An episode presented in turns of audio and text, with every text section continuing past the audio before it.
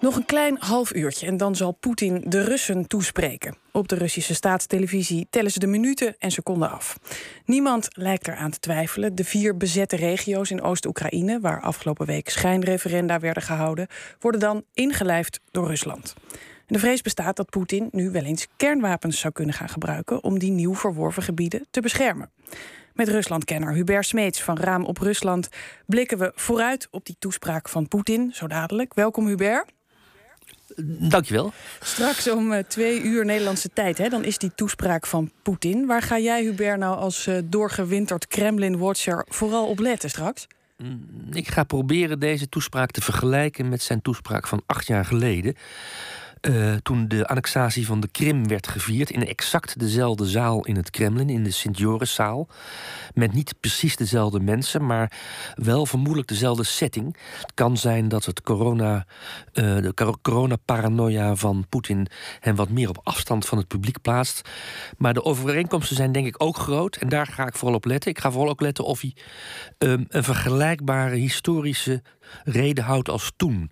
En alsof hij die, of hij die, uh, die, dat, die terugblik in de geschiedenis, wat hij acht jaar geleden deed, tot duizend jaar terug zelfs, of hij die nu ook een beetje naar de toekomst doortrekt en nou, welke gevaren daarin uh, verschuil gaan. Ja, maar goed, in 2014, toen Rusland de Krim annexeerde, waren de grenzen van dat gebied helder omlijnd. In ieder geval gaat Poetin, denk je, nu straks ook duidelijk maken welk gebied ze precies gaan annexeren? Want een deel van die vier provincies is nu nog in handen van het Oekraïnse leger. Drie van de vier provincies zijn niet volledig uh, onder bezettingsmacht van de Russen. En uh, we weten wel al dat Poetin gaat zeggen dat als het gaat om Donetsk, dat ligt in de Donbass, dat hij het hele gebied van de voormalige Oekraïnse provincie Donetsk zal um, erkennen als deel van de Russische staat. Hoe dat zit in Zaporizhzhia en Gerson, twee provincies die niet volledig in handen zijn van Rusland, dat heeft Peskov niet gezegd. Dus dat wordt vrij ja, spannend wel. Want als hij, uh, Poetin, zijn claims verder legt dan daar, daar waar het Russische leger op dit moment feitelijke controle uitoefent op het gebied. Uh, daar dreigt natuurlijk ook verdere escalatie met het, met, met, met het Oekraïnse leger en met het Westen. Ja, komen we zo toch eventjes. Poetin staat natuurlijk onder druk. Wat denk jij wordt nou straks hè, zijn, zijn boodschap aan het thuisfront? Ik denk dat hij eigenlijk gewoon een hele simpele propagandistische koers gaat varen. En dat hij dit als een grandioze overwinning richting het herstel van het Russische Rijk uit de 19e eeuw zal gaan uitleggen. Ik denk ook dat hij de gebieden Klein Rusland zal noemen. Dus niet Oekraïne, maar naar het woord van Catharina de Grote, nu ruim twee eeuwen geleden, het kleine Rusland. Zoals hij zelf de vertegenwoordiger is van het grote Rusland. Om daarmee aan te geven dat Groot-Rusland Klein-Rusland en Wit-Rusland eigenlijk bij elkaar horen in één staat. Dat is wat ik verwacht. Hmm. En dan even naar de internationale gevolgen. Hè, mogelijk. Internationaal zijn die reacties op de annexatie nu al fel, met name uit het Westen. Maar ook landen die Poetin doorgaans steunen, reageren, nou ja, koeltjes, zelfs afwijzend. Hè. China, Servië, India keuren die schijnreferenda en daaropvolgende annexatie af. Is dit nou het begin van verdere isolatie van Rusland, denk je? Ja, dat denk ik wel. Ook Kazachstan, dat is echt een heel groot land uit de voormalige Sovjet-Unie. Laat zich zeer negatief uit over het beleid van Poetin. De president van Kazachstan, die begin dit jaar nog gered is door Russische militairen toen er een staatsgreep dreigde, of een omwenteling althans in Kazachstan, gered is door Russische militairen, die heeft nu notabene in Petersburg zelf tegen de president Poetin zelf gezegd: als we alles maar onafhankelijk maken en vervolgens uh, annexeren, dan wordt het een enorme bende in de wereld. Dat zei hij in de geboorteplaats van president Poetin zelf. Dus hij wordt zeker geïsoleerd, uh, ook door Kazachstan. Kazachstan heeft ook aangekondigd uh, gevluchte Russische mannen die uitgeweken zijn voor de mobilisatie niet terug te sturen. Dus je voelt aan alle kanten dat hij eenzaam is. En we weten ook nog niet of Belarus mee gaat doen. Er zijn geruchten geweest dat hij uh, Poetin Lukashenko, de president van Belarus, onder, druk gezegd heeft om ook te mobiliseren, om ook te gaan deelnemen in deze oorlog. Maar er is tot nu toe niet van gebleken. Dus uh, ik vrees dat Poetin uh, ja, in een bunker zit uh, zonder licht van buiten. Hmm. En dan ja, wat dichter bij huis. Hè. Wat moeten wij met die vaststelling? De Europese Commissie heeft voorgesteld met nieuwe sancties te komen. Een achtste pakket als dat lukt.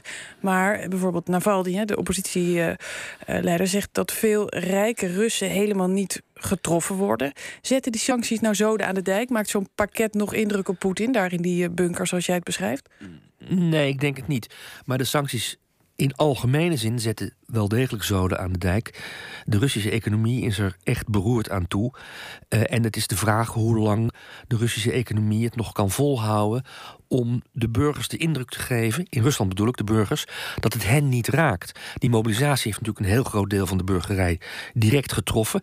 Uh, veel fabrieken uh, moeten nu op halve kracht draaien omdat de mannen zijn gevlucht. Het is maar zeer de vraag of vrouwen die arbeidsplaatsen zullen innemen. Dus op dat punt is, de, is het sanctiebeleid van het Westen wel degelijk effectief. Alleen niet op de korte termijn, zoals misschien velen hadden verwacht en misschien ook wel gehoopt. Ja, en dan he, korte termijn vraag ook wellicht: wat is deze annexatie nou? Wat betekent dat nou concreet aan het front? Je zei eerder tegen mij dat de Oekraïners sowieso zouden doorvechten, maar ik lees nu toch ook bezorgde berichten, bijvoorbeeld van een hoge militair bij de Oekraïnse inlichtingendienst in The Guardian, die zegt dat hij het zeer waarschijnlijk acht dat Rusland een tactisch kernwapen zal inzetten aan dat front. Wat zegt het dat Kiev, Kiev nu met dit soort waarschuwingen komt? Nou, op dit moment heeft ook uh, president Zelensky in Kiev uh, de top van de generale staf bijeengeroepen voor spoedberaad. Dus er is duidelijk nervositeit, ook in, ook in Oekraïne zelf. Nou, de kern van deze annexatie is dat Rusland 600 kilometer naar het westen is opgerukt. En daarmee ook het uh, nucleaire toneel um, heeft uh, doen oprukken naar ons toe. Over een gebied tweemaal groter, meer dan tweemaal groter dan Nederland zelfs. Uh, de consequentie, Russen en zeker Poetin denkt soms in je zou kunnen zeggen formalistische termen.